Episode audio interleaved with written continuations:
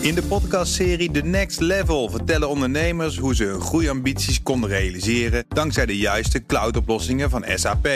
Wat waren de uitdagingen, de oplossingen en hoe ging de uiteindelijke implementatie? Benieuwd naar hun verhalen en hoe zij met behulp van SAP ook hun toekomstige ambities kunnen behalen? Luister de podcast The Next Level via de BNR-app of je favoriete podcast-app.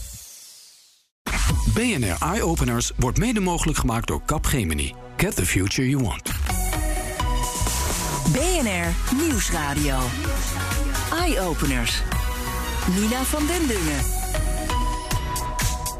Vergeet goud. Data is de nieuwe goldmine. Want als bedrijven hun data slim inzetten, dan kan dat leiden tot compleet nieuwe businessmodellen. Neem bijvoorbeeld mobiliteitsbedrijf PON.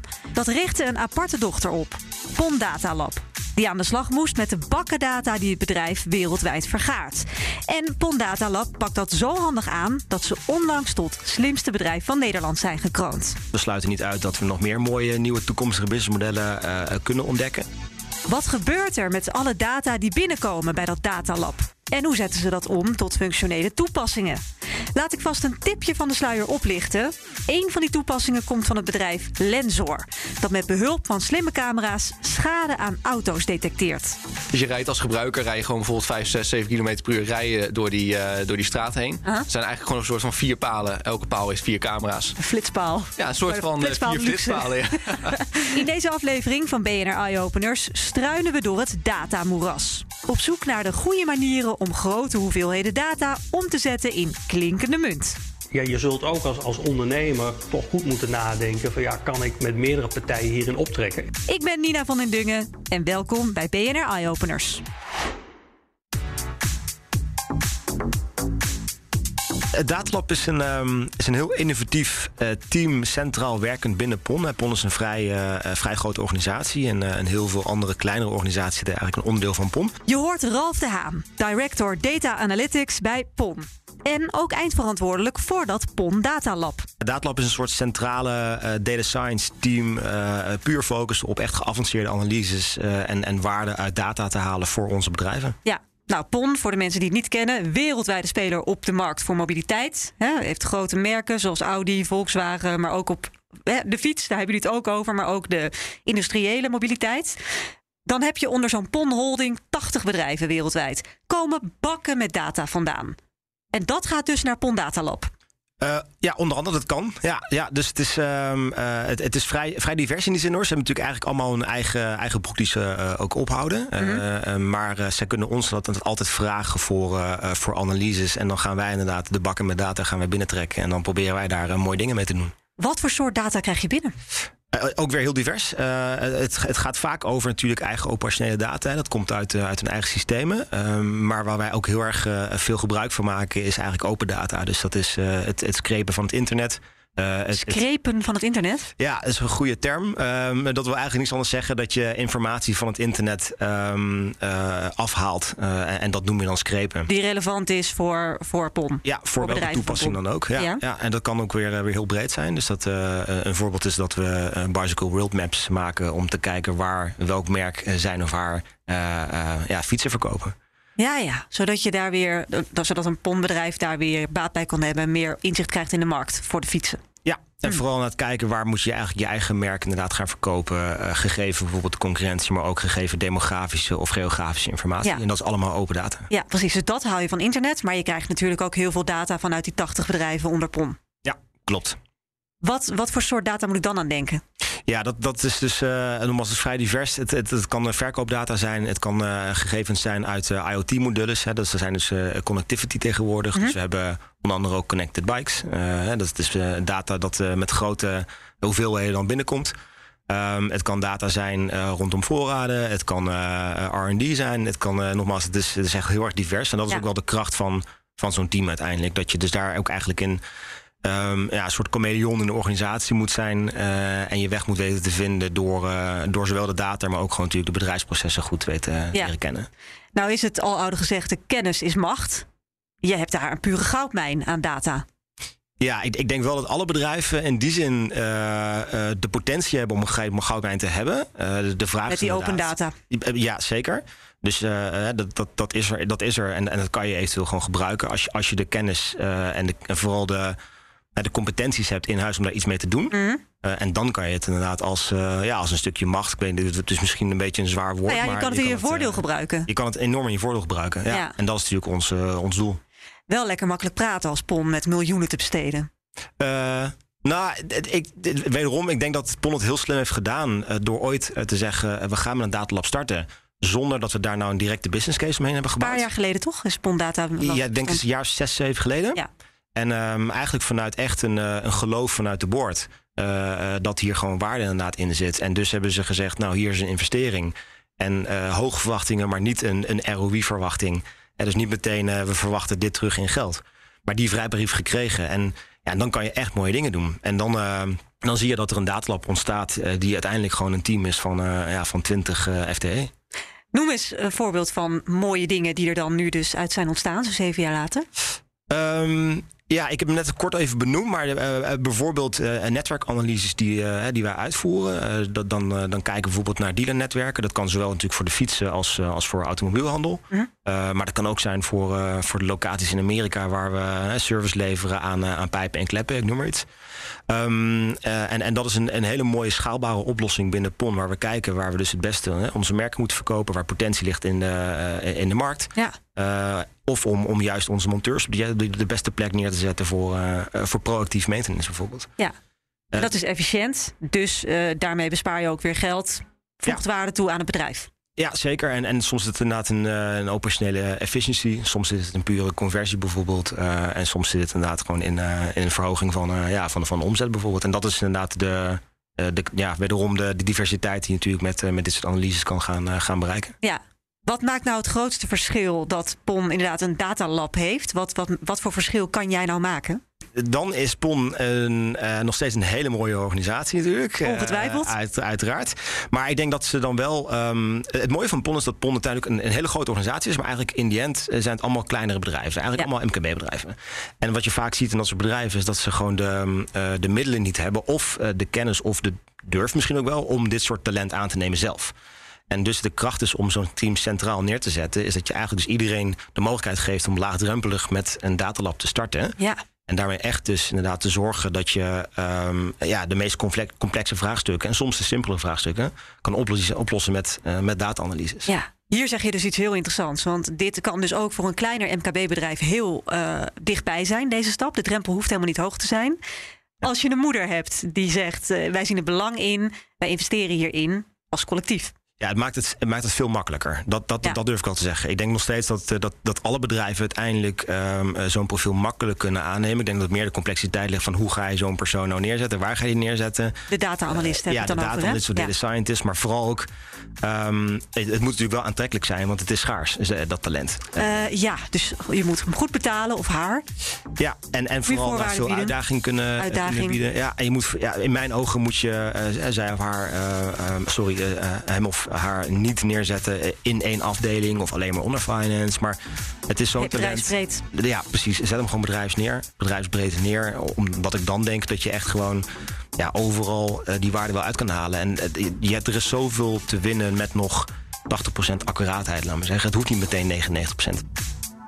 Een beetje data-analyst verdient zichzelf dus terug door waarde toe te voegen aan het bedrijf. Een mooi voorbeeld van een concrete toepassing van data die is ontstaan bij Pond Data Lab is het bedrijf Lensor. Notabene bedacht door toenmalig stagiair Robin van Ruitenbeek, die nu leiding geeft aan het team van Lensor. Ja, dat is een mooie route geweest inderdaad. Um, inderdaad begonnen um, tijdens mijn master met werken al bij Pond Data Lab. En um, ja, na anderhalf jaar moet je altijd, ja, van je master moet je altijd een soort van eh, onderzoek doen, mm -hmm. uh, masterscriptie. Toen ben ik eigenlijk binnen gaan kijken, van, wat zijn nou de uitdagingen, wat zijn de problemen die er, uh, die er spelen. En toen kwamen we eigenlijk dat ze binnen PON Logistics, logistiek, uh, dat ze alle nieuwe voertuigen binnenkrijgen die allemaal handmatig een inspectie krijgen of er schade op zit of niet. Ja, als je een nieuwe auto koopt, wil je natuurlijk weten of die, uh, of die helemaal, uh, helemaal netjes nieuw is of dat die al beschadigd is. Dus daar ben ik toen langs geweest, hebben gekeken en dachten, nou, kunnen we dit niet gaan, gaan automatiseren? Mm -hmm. Dus daar eigenlijk gestart. Um, gewoon letterlijk uh, camera's toen voor mijn thesis aan de muur geschroefd. Foto's verzameld en gekeken, kunnen we hier iets mee? Kunnen we dit automatiseren? Nou, dat werkte al best wel goed. Zeker nog niet waar we, waar we nu zijn vandaag, maar was een mooie start. Ja. En vanaf daar eigenlijk binnen de datalab naar mijn thesis ook, ook gaan werken. En eh, één dag per week tijdens die innovatiedagen eh, altijd dit een beetje erbij blijven doen. Ja. Ehm, ja, en vandaar uiteindelijk hebben we ook vooral eh, vorig jaar gezegd van ja, misschien moeten we dit toch wel groter trekken. Want er was zoveel vraag, ook buiten PON, binnen PON, buiten PON. Dat we dachten, ja, ehm, er zit markt in, dus, dus laten we, We het eens proberen. Ja. Je werkt dan bij een datalab. Hoe kom je dan tot dit bedrijfsidee? Want van data die jij op een scherm ziet naar... goh, we moeten iets met schadeafhandeling. Dat is nogal een stap. Klopt, ja, dat is ook wel een andere route. Dus we zeggen ook altijd wel van het is niet meer helemaal zoals bij het datalab ben je altijd heel erg bezig inderdaad met computers, met de data die al verzameld is. Dus er is al in een bedrijfsproces iets beschikbaar en daar ga je dan analyses mee doen. Maar hier hadden we dus eigenlijk ook nog helemaal niks beschikbaar, want er was altijd een handmatige voertuiginspectie. Ja. En nu willen we dat volledig gaan digitaliseren. Dus dat betekent ook dat je dan vervolgens eh, camera's moet gaan ophangen. Dus je moet een heel camerasysteem ontwikkelen. Eh, en je hebt daar ook vervolgens het hele software-stuk ook weer achter met de data-analyse. Dus daar zijn we uiteindelijk gewoon gaan kijken van ja, wat is er nodig? We hadden geen foto's, dus moeten we die foto's maken. En vanaf daar zijn we toen eh, ook gestart. En kom je dus uiteindelijk op zo'n eh, ja, iets meer ook een dataverzamelstuk uit in plaats van alleen maar de analyse. Ja. En nou is het een systeem geworden. Een, een, ja, hoe moet ik het voor me zien? Een soort eh, poort met 16 camera's waar je een auto doorheen rijdt? Ja, eigenlijk wel. Ja, dus eh, we hebben ook specifiek voor gekozen dat je er doorheen kan rijden. Een dat je niet ook stil hoeft. Ja, een soort van car wash inderdaad. Dus je rijdt als gebruiker, rij je gewoon bijvoorbeeld 5, 6, 7 km per uur rijden door die, eh, door die straat heen. Er zijn eigenlijk gewoon een soort van vier palen. Elke paal heeft vier camera's. Een flitspaal. Ja, een soort van flitspaal vier luxe. flitspalen. Ja. Ja. Dat klopt. En je rijdt er doorheen. En terwijl je er doorheen rijdt, wordt die auto gedetecteerd. Worden er gewoon heel veel foto's gemaakt. Een stuk 200, 300 foto's. Mhm. En aan de hand daarvan eh, ja, hebben we onze data. En doen we onze data-analyse eigenlijk weer om, eh, om te vinden of er schade op zit. ja, dus dit is gewoon geweldig voor eh, verhuurbedrijven, leasemaatschappijen, garages, verzekeraars. Die willen dit hebben. Absoluut. Ja, eigenlijk alle bedrijven waar je gewoon veel inspecties hebt, veel volumes. Vaak wisseling van bestuurder. Dus bij bezorgbedrijven rijdt er elke dag iemand anders op. Nou wil je wel Ja, weten ja. wie heeft die schade gemaakt. En als je het ook eh, bijvoorbeeld ook bij leasing, bijvoorbeeld als je je auto weer inlevert na afloop, wil je ook wel weten als die weer de markt op gaat, dat alle schades geïnspecteerd zijn en ook afgerekend zijn. Ja. Dus overal waar hoge volumes zijn, veel inspecties. Dus de chauffeurs, die gaan dit systeem niet leuk vinden. Nou, wisselt. Eigenlijk eh, hebben we er best wel goede reacties over. Ik was eigenlijk in het begin ook wel sceptisch. Ik dacht, nou, dit zal een, een- een, persoon die in die bus zit ook niet heel fijn vinden. Want Nee, die, die, die krijgt een bak en, eh, aansprakelijkheid over zich heen. Klopt, ja, dat is wel zo. Alleen wat je nu ziet is, zij moeten nu eh tien minuten lang rond zo'n voertuig lopen. En dat is de oude, de oude manier. Dan loop je een rondje in de regen, ga je kijken of er schade op zit, ja of nee. Ja, dus En met het ook- oog. Ja. Ja, met het oog inderdaad. Maar je hebt ook vaak de problemen dat je dan aansprakelijk gesteld wordt voor een schade die gevonden is. Terwijl jij die misschien niet gereden heeft, maar misschien drie bezorgers voor jou. ja, ja. Ja, en nu is dat natuurlijk allemaal weggenomen. En heb je dus ook wel als bezorger, maar ook bijvoorbeeld in de verhuur, veel meer zekerheid als je in dat voertuig stapt. Van oké, dit is de staat. En je wordt alleen een soort van eh, Ja. ja. eh, afgestraft op je eigen, eigen schades. Ja, mee eens. Aan de andere kant, je hebt vrij zichtbare schade, die je dus met het oog inderdaad wel ziet. Ja. Maar je hebt ook vrij onzichtbare schade, waarvan je denkt als bezorger, nou, dat, dat, dat, dat zien we niet. Dat hebben we niet gezien, dit krasje. Dat valt niet op. Maar dat, dat, daar kom je niet meer mee weg door zo'n poort. Nee, kom je op zich niet meer mee weg. Aan de andere kant zie je wel, eh, zeker dan bij de bezorgsector, eh, waar we heel erg actief zijn, dat ze over het algemeen heel erg focussen op de grotere schades. Mhm. Eh, dus ook niet heel veel zorgen maken om kleine krasjes. Bijvoorbeeld tot 10 centimeter is dan vaak een kleine kras. En dat zijn de schades die ze dan ja, gebruikersschades noemen. Ja. Dus die gewoon kunnen ontstaan. Net als bijvoorbeeld als jij ja, je velg bijvoorbeeld krast langs een stoeprandje. Kan gebeuren, is ook geen probleem. Kijk, rij je bijvoorbeeld tegen een paal aan en zit een enorme deuk in. Is dat natuurlijk Ja. wel iets waar je dan eh, even voor, Ja. eh, voor op Je hoeft eh, niet op elk krasje te worden afgerekend. Precies. Letterlijk. Nee. Maar je wil ze wel weten. Je wil wel weten hoeveel krassen zitten erop. En op een gegeven moment zijn dat misschien 30 kleine krassen. Wil je misschien wel hem even laten herstellen. Mhm. Zodat je altijd met een mooie bus rondrijdt. Ja, Ehm, dan krijg je dus ook weer een hele bak data uit, ik noem het maar even, de car wash. Ja. Wat gebeurt er met die data? Ja, die wordt door ons systeem eigenlijk automatisch geanalyseerd. Dus eh, hoe je het voor je, kan, ja, voor je kan zien is eigenlijk je rijdt er doorheen eh, met je auto. Die data wordt allemaal verzameld. Wordt vervolgens naar onze ja, cloud-omgeving gestuurd. En daar gaan allemaal computers gaan eigenlijk rekenen aan die foto's. En daar wordt gekeken door ons AI-systeem. Waar zitten schades? Wat voor schades zijn dat precies? En dat gebeurt allemaal volledig automatisch. Mhm. En dat wordt uiteindelijk weer beschikbaar gesteld in ons portal. En vanaf die portal kan een klant ook weer kijken van nou, waar zitten de schades op. Eh krijgt ze een alert van hey, dit voertuig heeft veel schades. Dit voertuig heeft geen schades. En kan je daar ook weer ehm, ja, je schadeherstel weer aan koppelen. Ja. Ja, dus ik wou zeggen, wat voor zin of wat voor nut hebben, die- hebben die data dan echt nog voor Lensor? En misschien ook dan wel weer voor PON Data Lab, die die gegevens ook weer krijgt.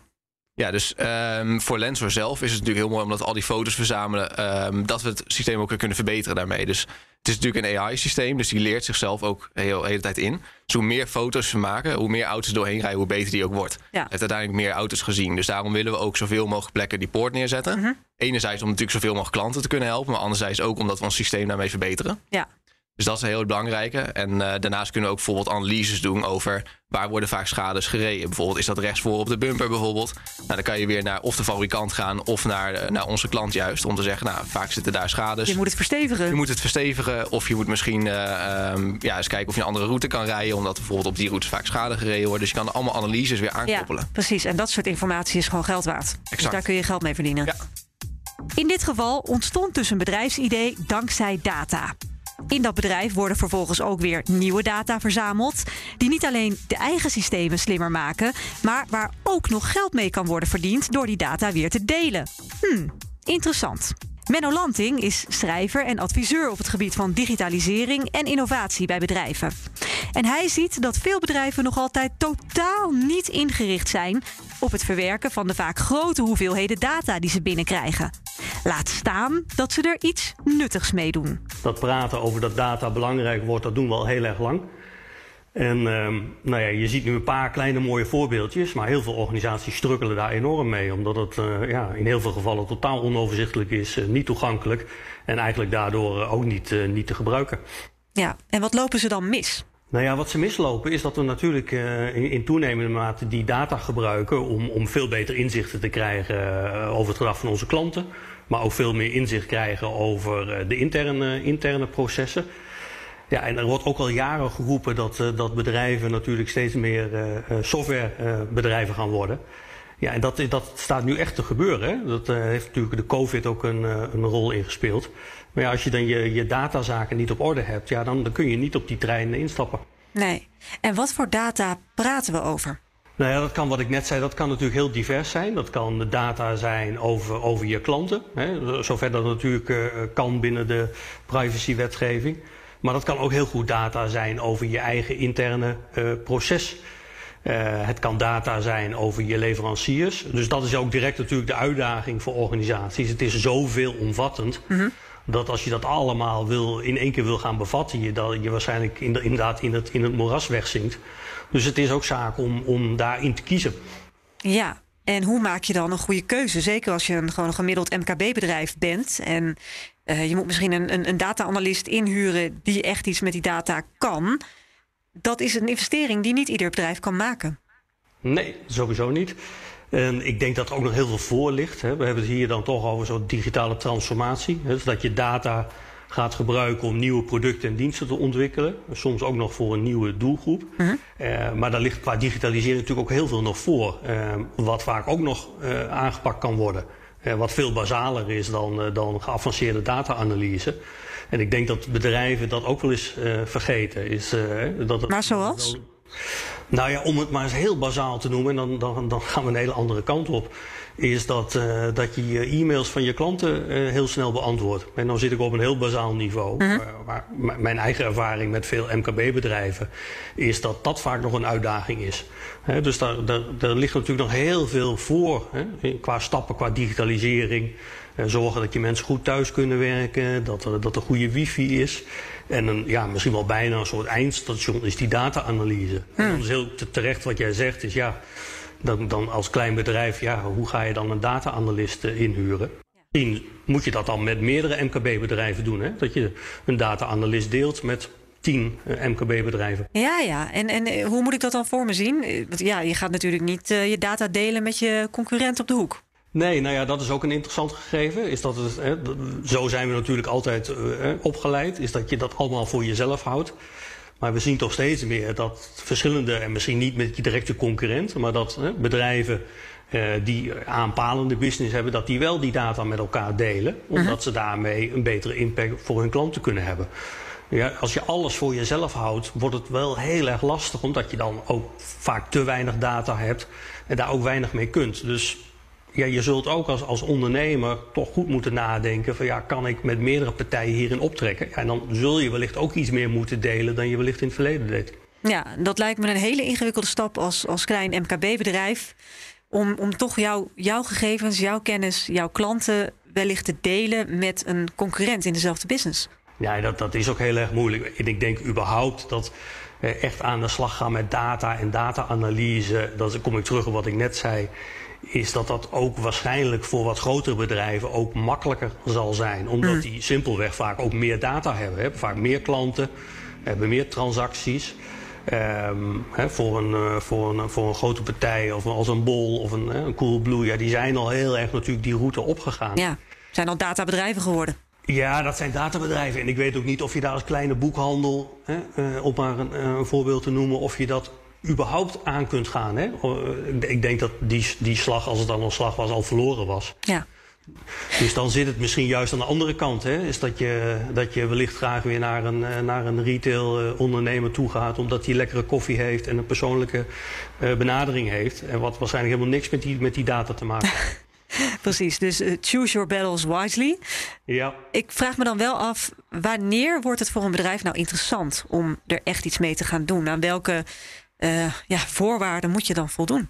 Nou, wat ik net zei, ik denk dat het heel goed is dat je in ieder geval je, je digitale basis op orde hebt. Hè? Dus dat je de, de, we hebben vaak ook een vier stappen als het gaat om digitalisering. Hè? Dus in een aantal gevallen is het puur digitale reparatie. Dus dat je, nou, dat hebben we natuurlijk in de, in de, in de coronaperiode denk ik wel gezien. Dus dat bedrijven eh, en ook MKB'ers eigenlijk iets gingen oppakken wat ze wellicht al wat eerder hadden kunnen doen als het gaat om di- digitalisering. Nou, dan heb je daarna digitale optimalisering, is dat je sneller en slimmer eh, gaat worden aan de hand van eh, digitalisering. Nou, dan heb je digitale innovatie, nieuwe producten en diensten aan de hand van, eh, van digitalisering, maar nog wel voor je bestaande klanten. En eigenlijk de overtreffende trap, en daar begonnen we het gesprek mee, ja, is digitale transformatie. Dus dat is echt ja, data gebruiken om nieuwe producten en diensten te bedenken, maar dan ook nog voor een doelgroep die je eh, tot voor kort niet had. Dat er geld valt te verdienen met data is duidelijk, maar waar begin je in vredesnaam als je er niet zoveel kaas van hebt gegeten? Simpel, zegt Menno. Eerst vooral afkijken bij bedrijven die er al mee aan de slag zijn gegaan. Nou, ik zou, kijk, er zijn natuurlijk voorbeelden van organisaties die dat met vallen en opstaan al doen. Hè, dus die wellicht iets voorop lopen.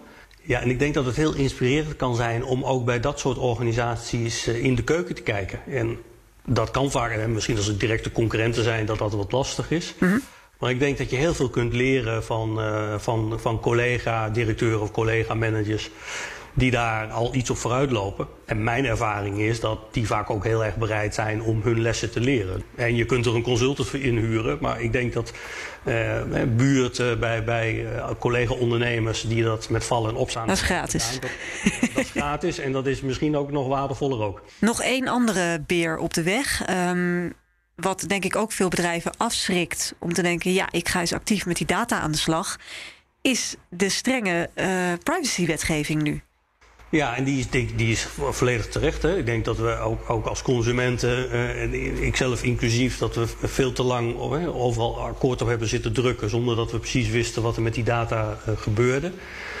Tegelijkertijd, ik denk dat we ons vaak ook wel verkijken op zeg maar, dataoplossingen die gaan over consumenten. Hè, Wat ik net zei, er is natuurlijk ook heel veel winst te behalen door eh, de interne data te analyseren. Dus, eh, nou ja, ik heb zelf gewerkt met Stena Line, de, de, de ferrymaatschappij. En die, hadden, die hebben enkele duizenden sensoren geplaatst op al hun ferryschepen. Die overal over de zee eh, varen. Nou, daardoor hebben ze eh, de, de, de meest gunstige routes kunnen bepalen om van nou ja, Duitsland naar eh, Denemarken te komen. Nou, dat heeft ze 30% eh, brandstofbesparing opgeleverd. Zo. Kijk, en dat is natuurlijk je eigen data, dus daar ga je zelf over. Dus ik denk dat we vaak ook te veel naar de meer fancy voorbeelden kijken die, die eh, gaan over data van klanten. Terwijl wellicht wel de allergrootste winst intern ligt. Ja, en daar kun je tot in grote mate zelf over beschikken over die data. We zijn in deze aflevering aan de hand van een aantal concrete voorbeelden weer wat wijzer geworden wat betreft het slimmer gebruiken van data uit je eigen bedrijf. Dit was Eye Openers van deze week. Volgende week hoor je alles over groene waterstof. Want daar kun je vooral de grote industrie een stuk groener mee maken. Hoe dat werkt en wat daarvoor nodig is, dat hoor je volgende keer. Mijn naam is Nina van den Dungen en graag tot dan.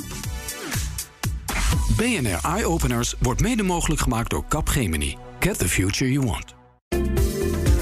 In de podcastserie The Next Level vertellen ondernemers hoe ze hun groeiambities konden realiseren dankzij de juiste cloudoplossingen van SAP. Wat waren de uitdagingen, de oplossingen en hoe ging de uiteindelijke implementatie? Benieuwd naar hun verhalen en hoe zij met behulp van SAP ook hun toekomstige ambities kunnen behalen? Luister de podcast The Next Level via de BNR-app of je favoriete podcast-app.